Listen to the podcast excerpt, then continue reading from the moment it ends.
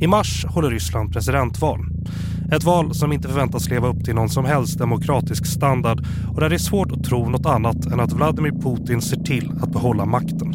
Men trots Putins alla möjligheter att styra slutresultatet av valet har han ändå begränsat antalet motståndare på sin valsedel och vidtagit flera åtgärder för att tysta eller försvåra motståndet ytterligare. Och i fredags kom ytterligare ett slag mot oppositionen. Ryska myndigheter meddelade att den fängslade oppositionsledaren Alexej Navalny hade avlidit. Så hur ser den ryska oppositionen ut? Vad spelar Navalnys död för roll? Och vad kan ett till synes redan avgjort val i Ryssland ha för konsekvenser?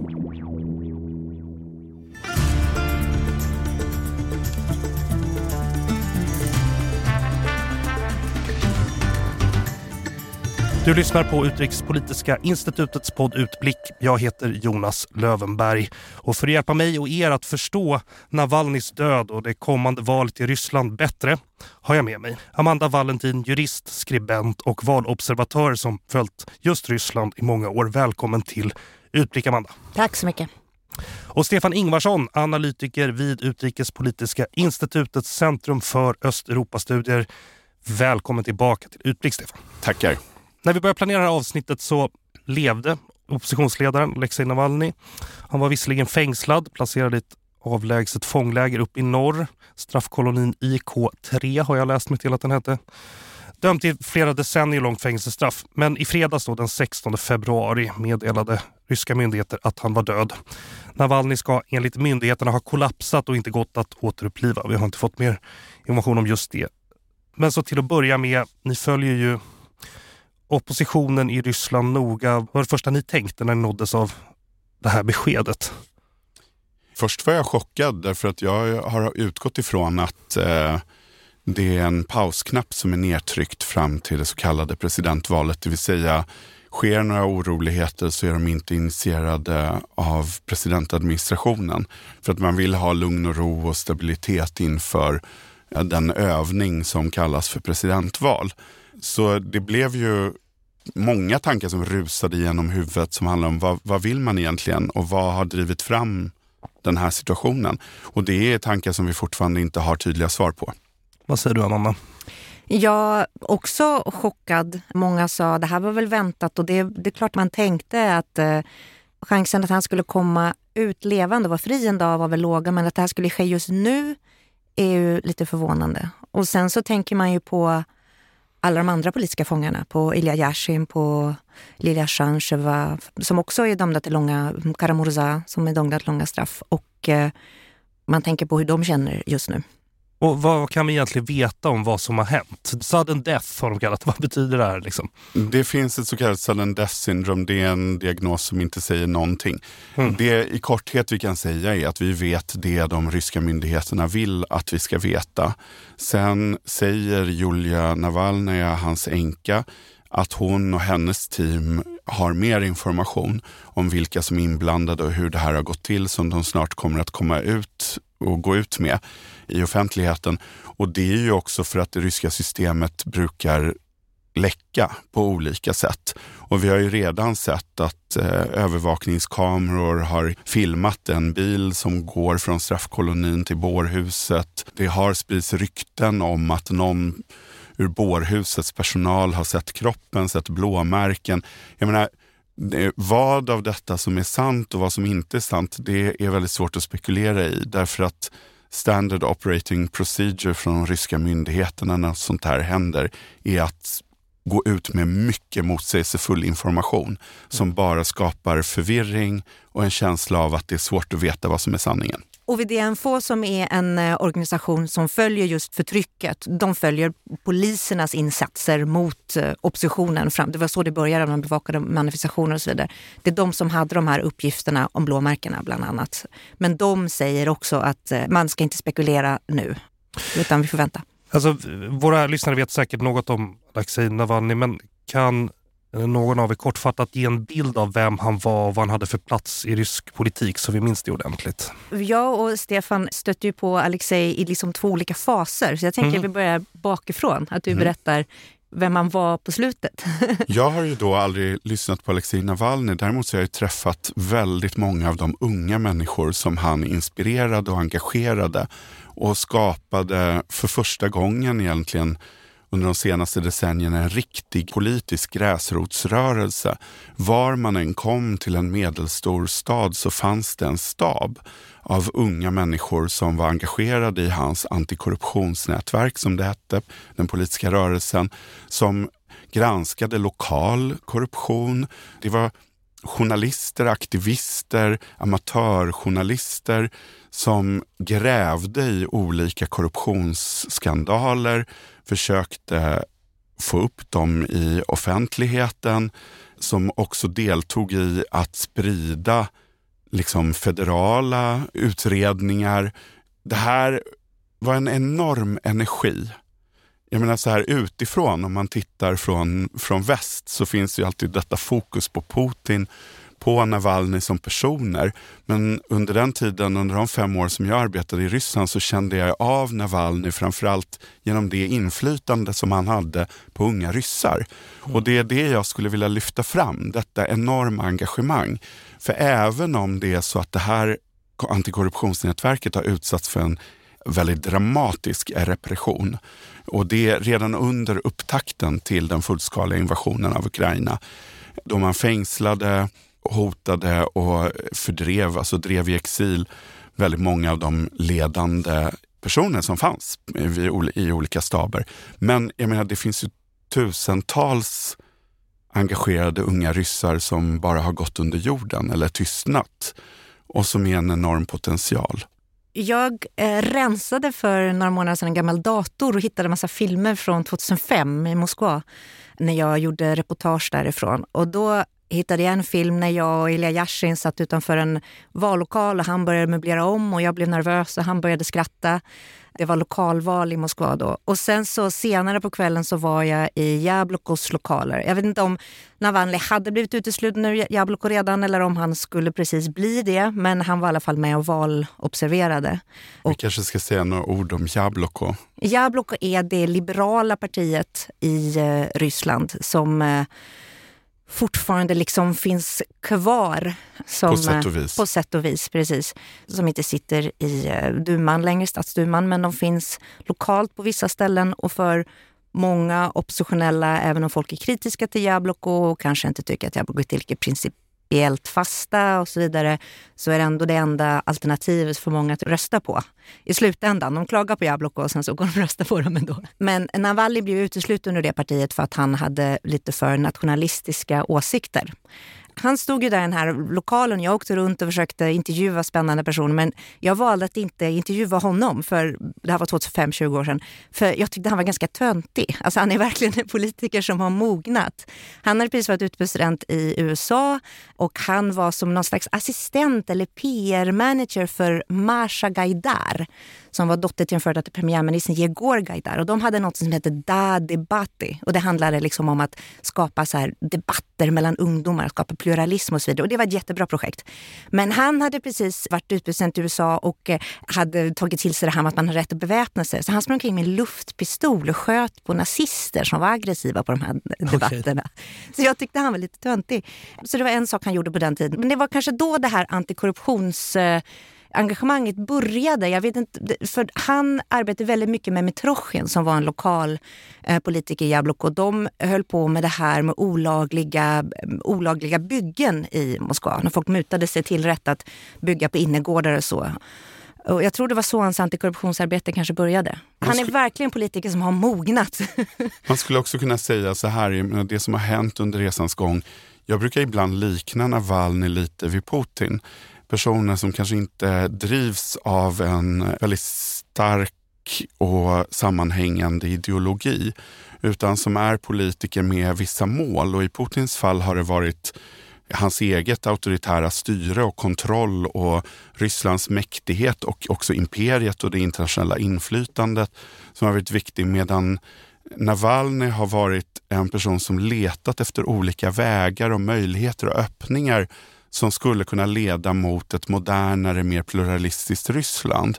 Och den här omtalade nationalistiska fasen har på senare tid framförallt handlat om att han ser en rysk nationalstat framför sig som just respekterar att Belarus, Ukraina och andra grannländer är sina egna stater men att det behövs en rysk stat som är till för ryssar och som tar hand om deras intressen och inte kapas av en korrupt elit som eh, Putin och hans eh, närmaste medarbetare då beskrivs som i den här visionen. De snor våra tillgångar, våra pengar och de driver en politik som vi aldrig har sagt ja till. Så i den bemärkelsen så skulle jag fortsätta att säga att Navalny hade ett väldigt ryskt perspektiv på framtiden och på vad, vad han ville erbjuda sina väljare. Jag måste bara lägga till en grej ja. till där. Att han var en väldigt stark ledare, en stor symbol för det här och väldigt bra på att tala, väldigt bra på att engagera. Men man får inte glömma att de här staberna som Stefan pratade om var en plantskola för lokalpolitiker. De här staberna som fanns över hela Ryssland, de var inte bara på något sätt att de bara spred hans budskap i hans namn som hans lärjunge, utan de var ju lokalpolitiker. De blev invalda på flera ställen och så vidare. Så han la ju verkligen grunden för en demokratisk utveckling på det sättet också. Det var inte bara det att han var en liksom stark ledare. Vi ska ju prata om valet här också, så vad har Navalnys död med valet att göra? Går det att säga någonting om det? Jag tror att det påverkar valet väldigt mycket. Det här hur är svårt att säga, men eh, det kan bli sista droppen för folk som känner att de måste protestera, som inte har vågat. Det kan vara ett sätt för Putin att, som han tror, då visa styrka, ta hoppet, men det kan få precis motsatt verkan. Att Putin kommer få de siffror han vill när det gäller valet, det, det vet ju eh, alla. Så det är egentligen inte det valet handlar om. Utan valet är ju en slags imagekampanj för Putin. Där han å ena sidan behöver visa att han är populär. Och han å andra sidan behöver visa att han är stark och kontrollerar systemet genom sitt skräckvälde. Vilket är lite motstående intressen, vilket gör det här väldigt svårt. Han vill inte att valet ska handla om kriget. Han vill, han vill prata om kriget, han pratar om kriget hela tiden, men han vill inte att, det, att valet ska bli en folkomröstning om kriget. Det ska mm. inte finnas ett annat alternativ. Det är lite grann, jag läste på Facebook häromdagen en tjej som var sur på sin syster för att systern hade sabbat hennes bröllop och berättat om sin graviditet på systerns bröllop. Då var ju inte den här, hon som skulle gifta sig var inte längre prinsessan och den vackraste och den viktigaste, utan det var ju hennes syster som blev prinsessan och det mest intressanta. Hon fick inte mannen det var fortfarande bruden som blev gift, men hon var inte huvudperson. Och samma sak är det med presidentvalet. Putin måste vara vackrast. Han måste få vara prinsessan i den här processen. Om man hade tillåtit Nadejdin att delta så hade det kunnat bli en omröstning, en folkomröstning om kriget. Den enda tydliga antikrigskandidaten det var som fanns. Enda, precis, det var den enda tydliga antikrigskandidaten som fanns. Det finns de som anser nu i och med att när gästen uppstod så kom den här liksom idén. Då blev det tydligt, det här kan bli en folkomröstning om kriget. Då finns det folk som säger, det kan det fortfarande bli. Om vi röstar på någon annan kandidat, om alla röster på andra kandidater räknas som, som en folkomröstning mot kriget och om vi följer den här kampanjen att, vi går, att alla som är mot Putin går och röstar klockan 12 på söndagen så kan det bli en väldigt kraftfull manifestation. Navalnys död kan ju verkligen bli en gnista som tänder det här så att man finner ett, eh, ett sätt att göra valet till en manifestation mot kriget. Mm. Och det handlar inte om valresultatet utan det handlar om hur det ser ut. Det är ett högt spel, precis som Amanda sa, som man spelar. Jag skulle säga, om vi då går tillbaka, Nadjezdin är alltså en helt okänd oppositionspolitiker som lite av en slump eller av en tillfällighet seglade upp som en kandidat i det här valet med väldigt tydlig antikrigsretorik. Och han lyckades samla ett par hundratusen namnunderskrifter. De här namnunderskrifterna blev en tydlig protestaktion. Människor såg det som ett lagligt sätt att uttrycka sitt missnöje med Putin och med kriget, att stå i de här långa köerna. Det blev också en flagrant kontrast till när olika representanter för Putins valkampanj försökte samla namnteckningar på offentliga platser och inte alls hade långa köer vid de eh, namnunderskrifterna utan man fick gå runt på arbetsplatser i den statliga företag och den offentliga sektorn och, och se till att folk skrev på de där namnlistorna. Så på sätt och vis så har folk redan visat sitt missnöje och dessutom ganska modigt genom att sätta sina namn och kontaktuppgifter på listor som myndigheterna då har på människor som är emot systemet. Men man hade nog inte räknat med att Nadjezjden, som är relativt ja, helt okänt om vi ska vara ärliga, skulle få den här uppbackningen. Så det som hände var att man visade att i alla fall i en procent, en del av befolkningen, så är missnöjet med kriget och med Putin så starkt att det spelar inte riktigt någon roll om det finns en ledare. Vem som helst kan bli en ledare för det här missnöjet. Bara någon dyker upp så är människor redo att ställa sig bakom en sån person. Så därför var det omöjligt för presidentadministrationen att godkänna de här namnunderskrifterna. De var tvungna att hitta formella fel och underkänna honom som kandidat. Ja, det var någon teknikalitet de det pekade var teknik, på. Ja. Det var fel eh, som, ja, det, här, det spelar ingen Nej. roll egentligen vilka fel. Man bestämde sig för att det fanns fel och då fanns det fel. Och det som är intressant med det här är ju att det visar på ett missnöje som är så starkt att det skulle kunna bubbla upp. Och att hur ska man då tolka Navalnys död under den här perioden? Jo, å ena sidan så skulle man kunna tänka sig ett scenario om Navalny inte hade dött nu. Att många bara skulle betrakta det här valet som irrelevant ändå. Som maktens teaterföreställning som inte har så mycket med dem att göra och inte sett det som ett tillfälle att visa mer missnöje. Så man kan tänka sig ett scenario, precis som Amanda var inne på, att det här blir sista droppen. Att det politiska mordet på Navalny är det som gör att en betydande del av den ryska befolkningen känner att vi måste visa vårt missnöje nu. Det här är ögonblicket. För en fråga är ju liksom, hur har ryssarna reagerat då, än så länge? För det har ju gripits ett antal hundra personer som bara har lagt ner blommor egentligen, eller hur? Ja, det är den reaktionen som har kommit. Att folk har lagt ner blommor dels vid spontana minnesmärken för just Navalny och dels vid minnesmärken för offren för stalinismens eh, förtryck. Och 400 eller 500 personer har blivit eh, gripna hittills. Jag tror att man kanske inte kunde förvänta sig några, några stora händelser just nu när han dog, för folk är ganska chockade och det finns inget tydligt vad ska man kräva att han ska återuppstå. Så, att säga. så därför tänker jag att den ilskan som väcks nu, att den just eh, bulkas upp och kanske får utlopp under valet på ett eller annat sätt. Och en kampanj som de utlyste redan innan Navalny blev dödad då, det var just det här klockan 12 mot Putin. Att alla som är emot Putin ska gå och rösta klockan 12 på söndagen. Så att det ska bli långa, långa köer. Och det inspirerades ju av de här köerna för Nadjezjdin. Folk kom på sig man kan stå och köa. Huklus är det bara långa köer. Nej, vi köar, vi ska rösta, det är normalt. Vi gör ingen demonstration, vi ska skriva namnunderskrifter, det är lagligt. Men alla förstår vad det är. Så jag tror att vi måste vänta för att förstå egentligen om det här mobiliserar eller, eller inte och hur. Jag ska också fråga, vi har ju varit inne på det, men liksom vad det spelar för roll för det politiska motståndet. Det är ju det vi pratar om. Det finns ju en film på Navalny som skulle visas om han nu blev dödad eller dog av någon anledning. Där han ju säger att om det är så viktigt att ha ihjäl mig så betyder det att vi är farliga och därför måste vi kämpa.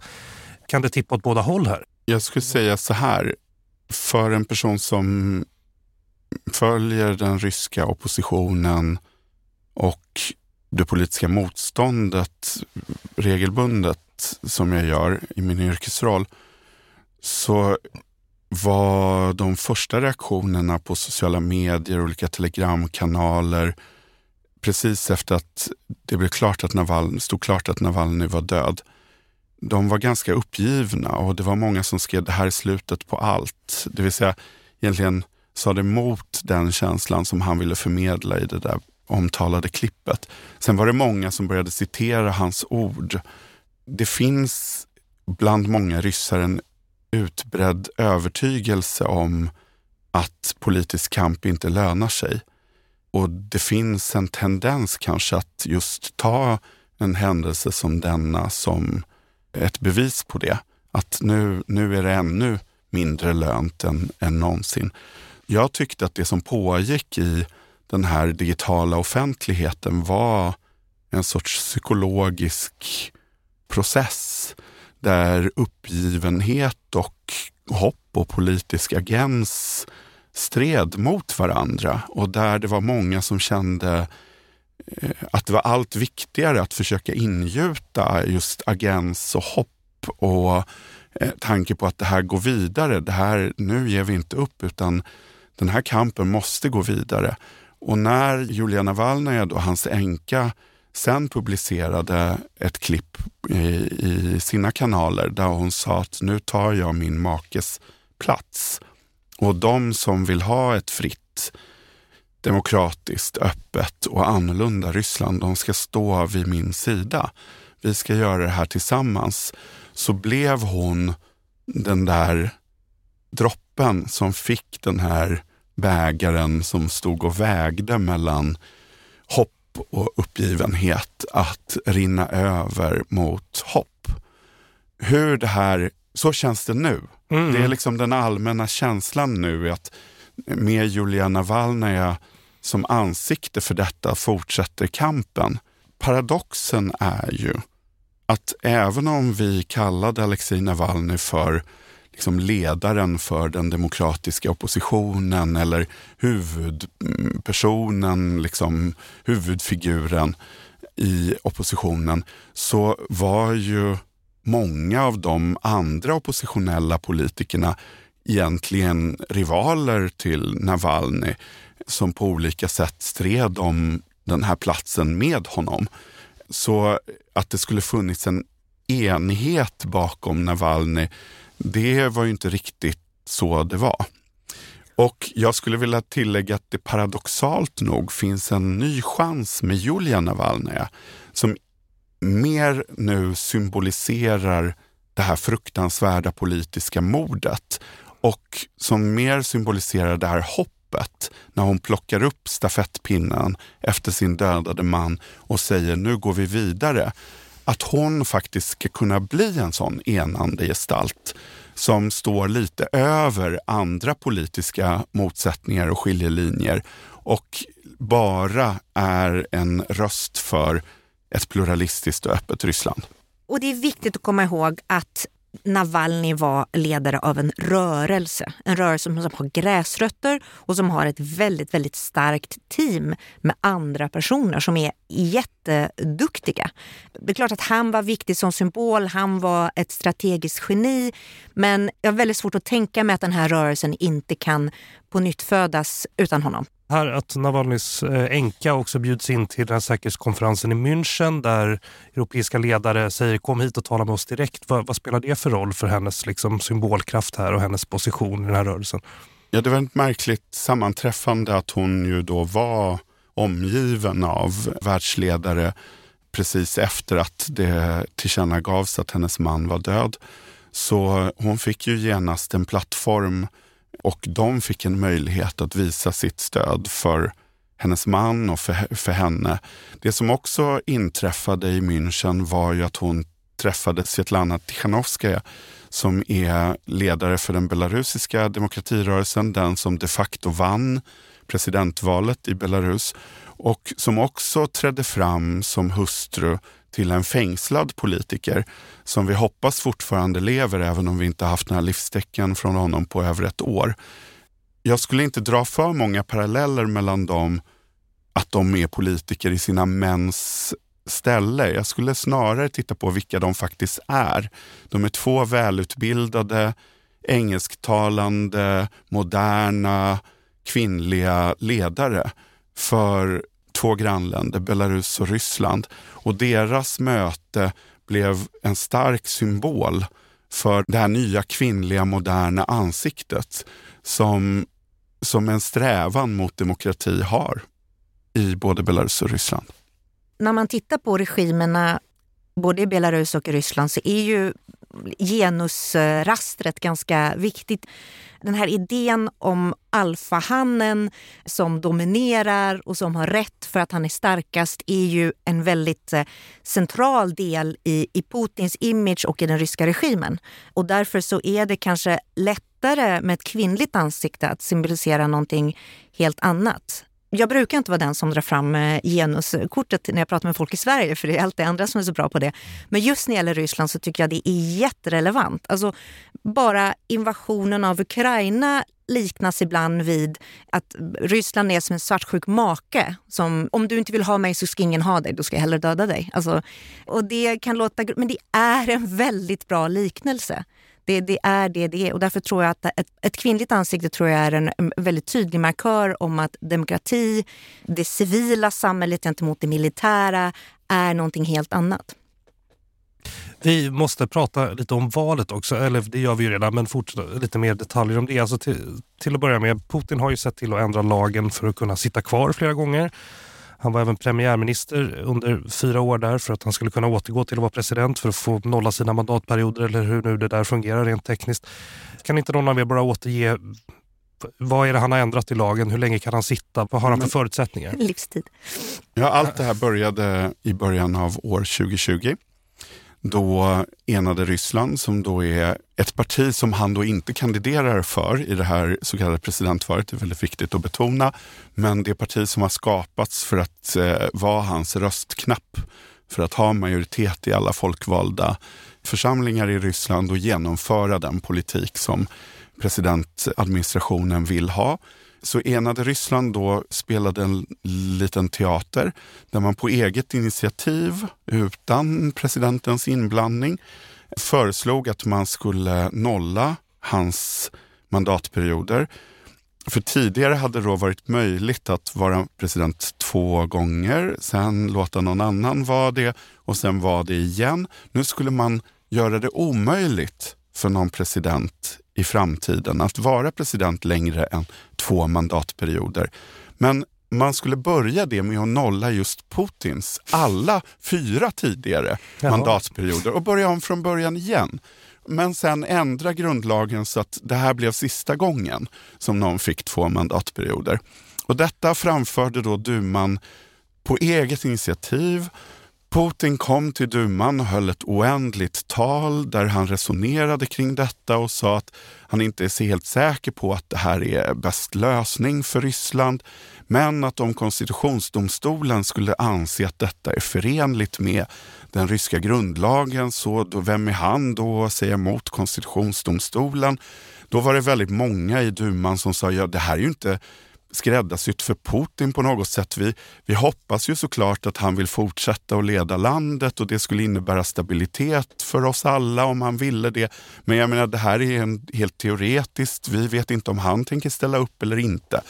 Och sen så klubbar man då igenom det här och konstitutionsdomstolen godkände det. Men man bestämde sig för att det här skulle då bli en omröstning, en, folk, en sorts folkomröstning, även om det inte var en folkomröstning för att den inte riktigt uppfyllde lagens definition av vad en folkomröstning skulle vara.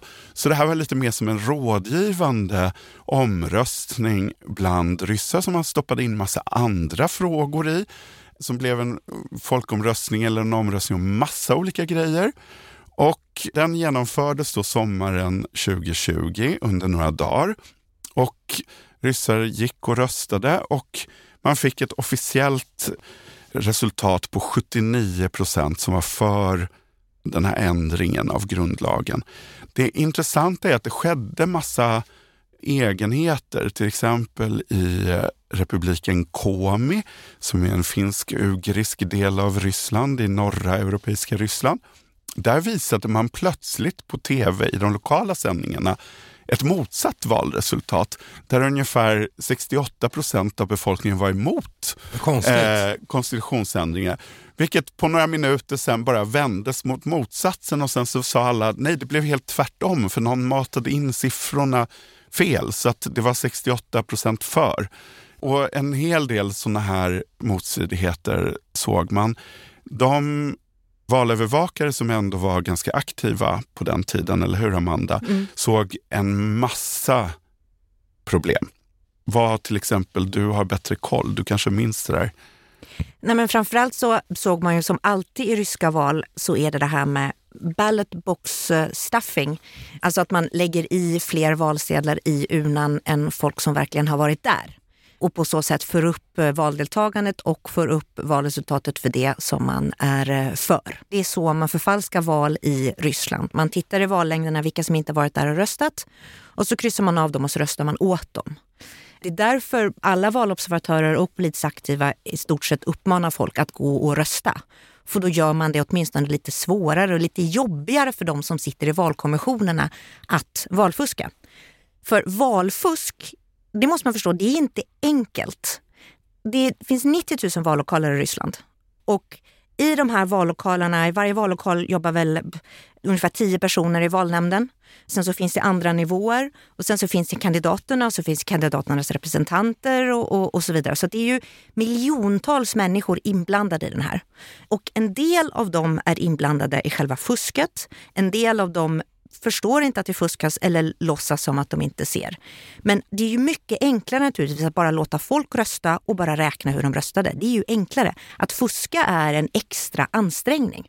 Och det finns många olika sätt. Det finns att man eh, som jag sa först, det som kallas för ballot box stuffing, att man kryssar av folk som inte har varit där och röstat och röstar åt dem. Och det är ofta ganska enkelt eftersom valdeltagandet ofta bara är 20-30 procent och man, känner till området, man vet eh, att eh, Petrov, han kommer aldrig rösta så kan man kryssa av honom. Men eh, allt eftersom fler går och röstar, allt eftersom man behöver högre och högre siffror. Putin måste till exempel få bättre och bättre resultat varje val. Han kan inte få 2% mindre nu än han fick 2018. Han måste ju bli populärare och populärare. Okay. Eh, mm. och då måste man fuska mer och mer. Så det är väldigt olika olika delar av Ryssland. Vissa delar av Ryssland så bara skriver man om protokollet. Man bara struntar i vad som låg i valurnan och så vidare. Men då måste ju alla i vallokalen vara med på det. Då blir alla delaktiga i det här brottet och det, det är liksom lite jobbigt för dem. Och i andra delar av Ryssland så tvingar man folk att gå och rösta. Överallt tvingar man folk att gå och rösta på olika sätt mer eller mindre. Det var det som skedde då. Och sen så var det väl framför allt också att i själva kampanjen för, eh, för den här förändringen i koncessionen så la man in massa andra frågor som Stefan sa och försökte highlighta dem. Och det var liksom en ganska oärlig kampanj. För jag har en vän som berättade att ja, men min mamma hon tyckte det var så bra. Hon gick och röstade för att de skulle stärka djurskyddet till exempel. Så då riktade man in sig på olika grupper med olika budskap att man skulle gå och rösta ja. På ett uppenbart manipulativt sätt. Men så förutom valfusket i själva vallokalen så skedde även den här manipulationen naturligtvis av, av debatten innan. Och effekten blev att Putin nu kan sitta till 2036 om han vill och lever så länge. Och jag skulle också bara tillägga, apropå det här med kvinnligt ansikte, den, så, den Duma-ledamot som verkligen stod för den här reformen, som var ansiktet för att vi måste ge Putin en chans att ställa upp i två mandatperioder till ovanpå dem han redan haft. Det var Valentina Tereshkova, första kvinnan i rymden.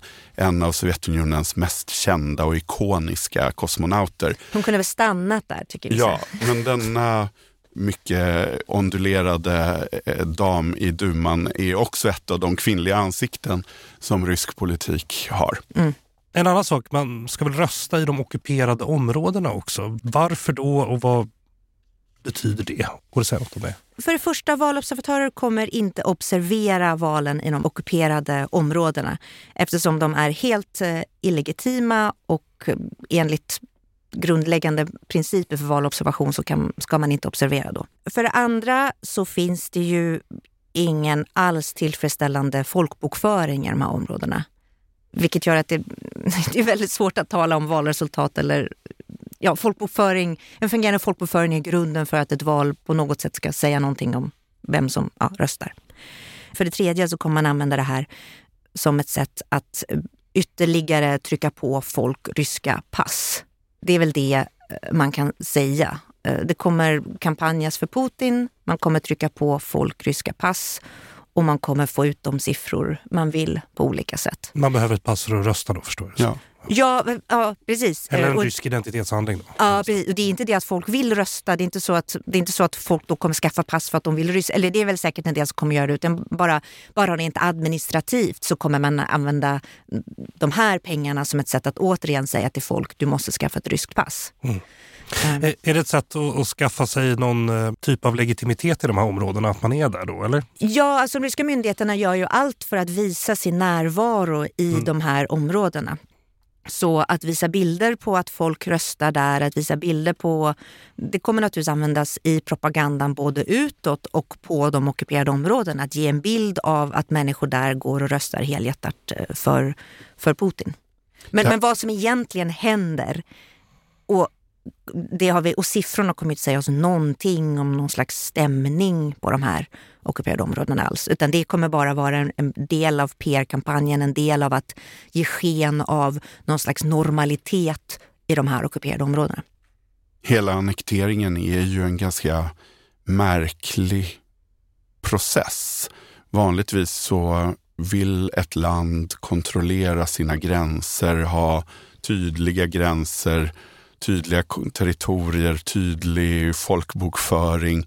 Allt det här är ju sånt som är indikatorer på ett, ett, en stabil stat. Och att Ryssland då har valt att annektera områden som man inte kontrollerar, där fronten är rörlig, som precis som Amanda var inne på, där man inte riktigt vet vem som faktiskt bor där. Där det fortfarande pågår en strid inom lokalbefolkningen bland de som har gett upp och gått med på att bli ryska medborgare, ibland för att få sjukvård eller rätt till utbildning, för det är ju en sån utpressning som pågår där. Medan andra motsätter sig detta och håller kvar vid sina ukrainska identiteter. Det kommer också bosättare till vissa delar av de här områdena där andra ukrainare har flytt. Så jag menar, det är någonstans ett kaos som man har kallat en del av den ryska federationen. Och inom detta kaos ska man då också genomföra ett så kallat presidentval. Alltså av alla de här sakerna ni beskriver då, vi, ni har varit inne på olika skäl, men varför hålls det ett val överhuvudtaget om vi redan vet utfallet? Vad säger ni? Det är ju för att Putin måste ändå på något sätt relegitimera sig. Okay. Han måste visa att han är stark och farlig och att han är populär. Och det gör han via den här ceremonin. Dels inte bara för folket utan även för de andra i eliten. För folk är beroende av honom och lojala mot honom för att han kan skydda dem, för att han kontrollerar systemet. Och att genomföra de här valen, att få de här miljontals människorna att antingen rösta för honom eller att delta i, i, i valfusket visar att han har kontrollen. Mm. Det är ett sätt att visa att han har kontrollen. Det är ett sätt att relansera en, en, en positiv bild av honom, en PR-kampanj. Och sen så är det också så att stort sett alla auktoritära stater, Nordkorea, har ju också val. Därför att alla politiska system har ett behov av någon slags cykliskhet. De har ett behov av en viss tidpunkt där man byter ut saker. Där man, eh, där, där man, du blir omvald eller någon annan blir vald till ställe, man byter ut tjänstemän. Man behöver liksom precis som skolan har terminer och så vidare så måste även det politiska livet ha en cykliskhet på kanske tre, fyra år när man gör lite ommöbleringar vid ett och samma tillfälle. Så det är därför man håller ett val. Det hade, det hade varit för stor risk att, att ställa in det. Då hade eliten börjat undra varför vågar han inte ha val? Skulle han inte kunna vinna det den här gången? att han måste visa att jag klarar av den här processen. Allt, jag har allt under kontroll, jag kan köra på, jag kan låtsas att allt är normalt. Den här testkörningen av hela systemet som Amanda beskriver, som ju involverar då så otroligt många människor, både de som då från, från offentliganställda eller i, på stora arbetsplatser som bussas till vallokalerna då för att rösta och som liksom ska delta i den här ceremonin de blir ju också på något sätt lite medskyldiga till den här regimen. Det här är ju ett sätt också att få en massa människor någonstans att liksom bli ja, men också lite delaktiga i det här maktinnehavet som Putin-regimen har. Alla tjänstemän som ställer upp på att genomföra detta skådespel, alla som går dit och röstar på honom, alla som inte motsätter sig. Alla blir på något sätt, alltså det här är ju en liksom sorts testkörning. Och är det då eh, även några hundratusen som öppet protesterar, då ser man okej, okay, men det var de här hundra, några hundratusen som visade ett öppet missnöje i ett land med över hundra miljoner invånare. Så då det är liksom det aktiva motståndet som är modigt nog att säga ifrån är ungefär på den nivån. Och då ger ju det Putin en legitimitet, för då visar det att ja, alla andra ställer antingen upp eller är tysta. Och därmed fortsätter hans maktinnehav. Det måste ta en parallell där just till eh, Navalny och hans antikorruptionsarbete. På 90-talet så var hela det ryska samhället väldigt, väldigt korrupt. Alla hade mutat en, en, en, trafikpolis. Alla hade mutat skolan. Alla hade mutat sjukvården för att få eh, sängplats och så vidare. Sen i och med att den ryska ekonomin blev bättre så gjorde de ryska myndigheterna misstaget att man ska säga, att börja motverka korruptionen på lägre nivå. Vilket gjorde att det blev mindre och mindre korruption. Medelklassen blev mindre och mindre korrumperad. På 90-talet så om du var medelklass så hade du, du hade mutat brandmyndigheterna för ditt företag och så vidare. Men på 2000-talet kunde det redan vara, kunde det vara så att du var medelklass och du var ren. Du hade inte mutat någon. Och då kan du bli arg på de som är ett snäpp ovanför dig som är mer korrumperade. Om du har mutat någon, om du har tagit en muta på tusen spänn, då kan du inte vara arg på din chef som har tagit en muta på 10 000 kronor, för du är också smutsig. Mm. Och att den här antikorruptionskampanjen blev så effektiv just nu är ju för att det var en enorm korruption på högre nivå, men mindre korruption på låg nivå. Eh, och det, det var ju farligt. Och det här med valet är ju en korrupt verksamhet. Det är den korrupta verksamheten där det fortfarande går ända ner till lägre nivå, där fortfarande lägre person och då är det svårt att protestera. Mm. För att, för att valfusk är ju en form av korruption. Det är ett sätt att få folk att se till att du får ha kvar din position om vi inte pratar om presidentvalet utan valfusk på lokal nivå så handlar det ju om att eh, kommunpolitiken säger till rektorn att du måste se till att lärarna som är valkommission i din vallokal, att de ser till att jag vinner för annars blir du av med jobbet. Och då kan jag inte längre göra den här korrupta upphandlingen med min kusin och så vidare. Allt det här hänger ihop. Så det här är den sista liksom korruptionshållhaken som regimen har på befolkningen och därför är det viktigt att genomföra de här valen också. Så det här är ett sätt att, för Putin att befästa sin legitimitet. Han har sett till att det inte finns några antikrigskandidater på valsedeln. Vem är det som kan utmana Putin? Vad är det han är orolig för egentligen? Finns det en möjlighet att utmana honom ens? Ingen av dem som är kandidater i valet kan ju utmana honom. Det är tre andra kandidater och ingen av dem kommer få mer än 5 procent, skulle jag tro. Eh, för han ska ju ha närmare 90 Eh, eftersom man måste få mer efter varje val. De som ställer upp är då Vladislav Davankov från ett parti som heter Nya människor, Nove som är ett slags låtsasliberalt parti kan man säga, fast de är inte så liberala för han har nyligen föreslagit att man ska utvisa utländska män som flörtar med ryska kvinnor och sånt där. Men, men de ska på något sätt ändå låtsas vara ett liberalt parti. Han är den yngsta, han är 40 år och det är lite förvånande för man trodde längre att ingen som var yngre än Putin skulle få ställa upp för att man inte ville att Putin skulle se ut som den här då gamla gubben i bunkern som var en, en bild som spreds av honom. Sen så finns det Leonid Slutski som är från LDPR, alltså Zjirinovskijs gamla parti. Han är, han är 66, han är också lite yngre än Putin, tio år yngre. Eh, vad säger jag, åtta år, sju år, sex år yngre. Eh, och han, han är känd för att han har utsatt journalister för sexuella trakasserier. Och den här metoo-rörelsen, det är han känd för. Och sen så är det Nikolaj Charitonov som är från det gamla kommunistpartiet. Och han är inte partiledare för kommunistpartiet. Så de, här, de har liksom inte ens en gång ställt upp med sina partiledare. Utan det är andra handens personer som får ställa upp för att eh, partiledarna har bättre saker för sig än att eh, kandidera i presidentvalet. Och ingen av de här kan ju utmana honom utan det är ju bara för att valsedeln ska se någorlunda rimlig ut som de är med. Men frågan är ju vad som händer på själva valdagen ändå och vad som händer efter, efter valet. Det finns en chans att ändå det här valet på något sätt försvagar Putin. För vad man än kan säga om systemet så är det inte stabilt. Putin kan bli försvagad, men var en oppositionsledare skulle komma ifrån, det är svårt att säga idag. Om det någon gång i framtiden uppstår en situation där det finns möjligheter för något slags förändring i positiv riktning, då kommer nog den ledaren komma, det kommer nog vara någon som vi inte känner till idag förmodligen. Det som går att säga om den här så kallade systemoppositionen, som det brukar kallas i Ryssland, det vill säga de här partierna som finns för att ge intryck av ett pluralistiskt system, men som tydligt följer röda linjer. Det, det man kan säga om dem är att spänningarna inom det ryska samhället, framförallt sen den fullskaliga invasionen, men också med de ekonomiska utmaningar som kommer av kriget och sanktionerna, men också med den repression som finns i Ryssland idag är att även de börjar bli lite farliga.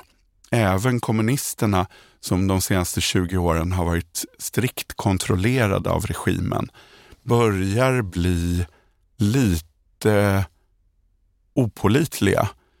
Det är för att det finns så mycket missnöje i det ryska samhället idag att det liksom sipprar in vi har ju till och med, Amanda och jag har lyssnat på experter som säger att enade Ryssland, alltså det här partiet som finns för att inga andra partier ska finnas, som bara är maktens redskap, att till och med enade Ryssland på sikt skulle kunna bli en kanal för lokalt och regionalt missnöje.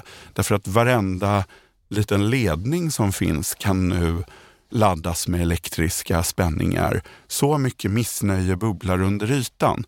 Så att det är viktigt, tror jag, när vi talar om framtiden, att beskriva hur instabilt ett auktoritärt, så här centraliserat system är. När Putin nu har suttit vid makten vid ett kvarts sekel. när så mycket av besluten är koncentrerade till en liten krets, när det är så svårt för även de politiker som försöker vara duktiga på lokal och regional nivå att riktigt veta vad det är de ska göra. När man är liksom rädd för att göra fel och därför kanske inte gör så mycket. Under det otroligt uppmärksammade myteriet som Prigozjin ägnade sig åt, som ju var en kort, kort episod.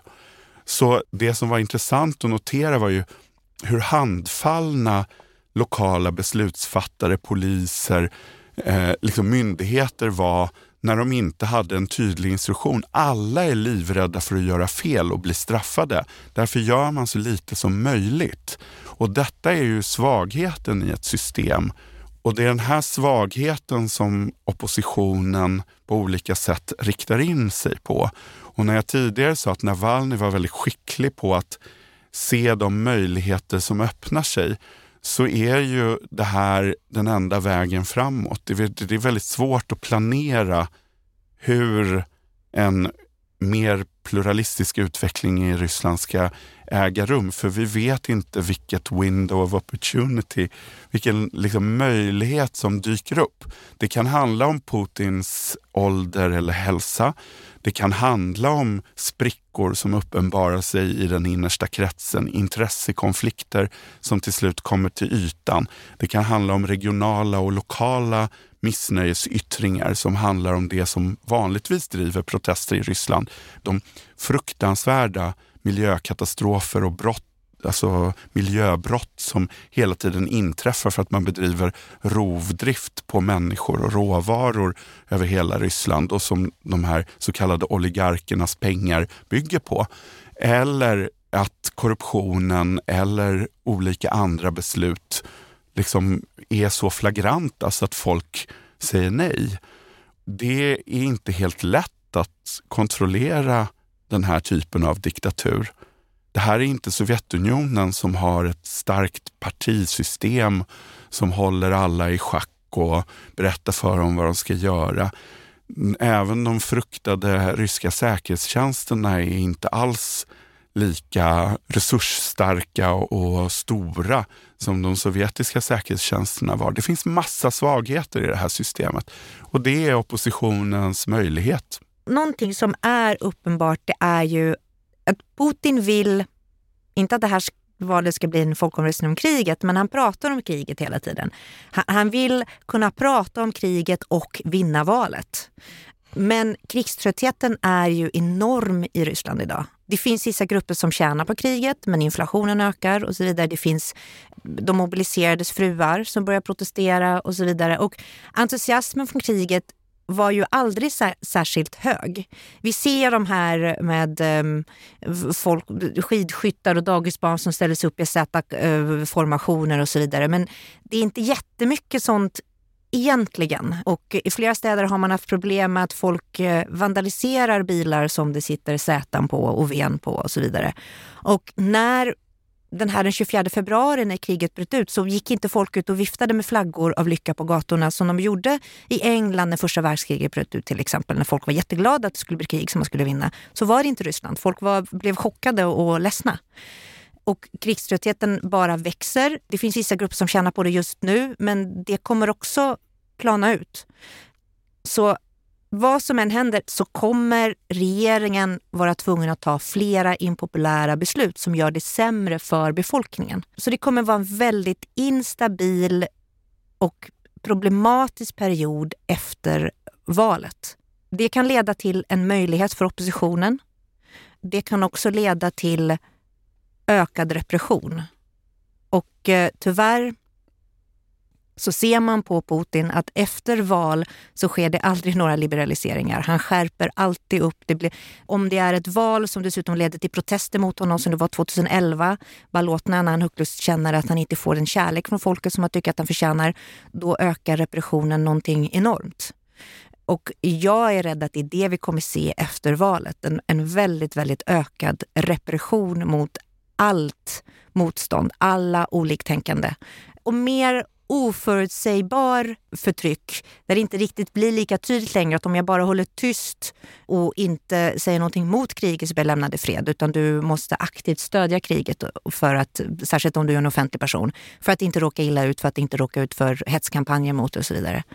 Jag är bara i första hand orolig för hur det kommer se ut efter valet. Naturligtvis den instabiliteten, de konflikterna kommer ju också leda förr eller senare till något slags möjligheter.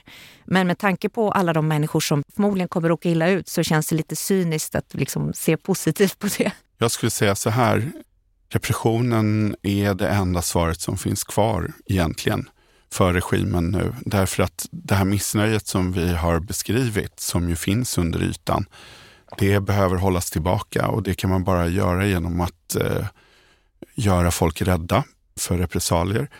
Och man kommer vilja kontrollera informationsflöden ännu mer. Så det som man har fruktat, någon form av eh, inskränkningar när det gäller meddelandeappar, när det gäller Youtube och eh, andra fönster som finns just nu för ett fritt informationsflöde i Ryssland. Det är det man troligtvis kommer rikta in sig på. Vilket gör det ännu svårare, både för oss att veta vad som händer inne i Ryssland och för dem att veta vad som händer i deras eget land och ha tillgång till oberoende och fri information. Jag skulle ändå vilja sluta lite optimistiskt med den här instabiliteten.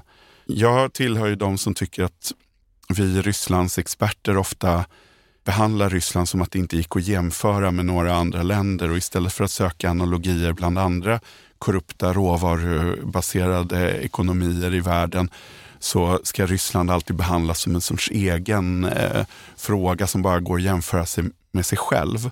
Men jag skulle ändå göra exakt just det som alla Rysslands experter alltid gör och gå tillbaka till första världskriget, fast inte britterna som Amanda nämnde, utan titta på vad som hände på den ryska sidan. Det här var nämligen första gången som den tsarryska armén gav höga löner till soldaterna som stred i kriget. Precis som det som Putin gör nu. För att vi ser just nu en byggbom på den ryska landsbygden och i småstäder. Byggföretagen har flyttat från Moskva. Det byggs så det knakar dit pengarna nu går, där man aldrig har tjänat så mycket pengar. Så det finns ju en bas som stödjer det här kriget därför att de aldrig haft det så bra ekonomiskt som de har det nu. Och det är soldaternas familjer. Oavsett om pappa lever eller dör så tjänar alla pengar. Eh, så är det ju rent cyniskt. Men precis som det var då så börjar det här driva inflationen. Och inflationen blir till slut så ohållbar så alla de här pengarna som folk ska få, de förlorar sitt värde. Och det som hände då under första världskriget var att det blev inflation och brist på mat. Och ur det, vad kom då? Jo, bolsjevikerna. Och den enorma samhällsomvälvning som det innebar då, det vill säga det tsarryska systemet som vägrade reformer under alla dessa år brakade ihop. Och någonstans är ju det här den bild vi har framför oss på vilka utmaningar även det putinistiska auktoritära systemet står inför. Nu sjunker vi djupare och djupare ner i de här sunkiga historiska parallellerna men det roliga var ju också att under Prigozjins eh, kupp så jämförde Putin sig själv med Nikolaj den andra, alltså den tsaren som blev störtad i ryska revolutionen, vilket ju var något chockerande. Han tänkte nog inte igenom den jämförelsen hela vägen fram, men det kanske ligger något i den jämförelsen. Amanda Valentin, jurist, skribent och valobservatör. Stefan Ingvarsson, analytiker vid Centrum för Östeuropastudier. Tack för att ni kom. Tack så mycket. Tackar. Nu har du lyssnat på Utrikespolitiska institutets podd Utblick. Glöm inte att trycka på prenumerera-knappen i appen du lyssnar på oss. Om du vill veta mer om UIs forskning och omvärldsbevakning, titta in på ui.se. Vår vignett är komponerad av Frid en Frid. Vi spelar in hos Red Means Go och i kontrollrummet idag sitter Kyle Rosén. Jag heter Jonas Lövenberg. På återhörande.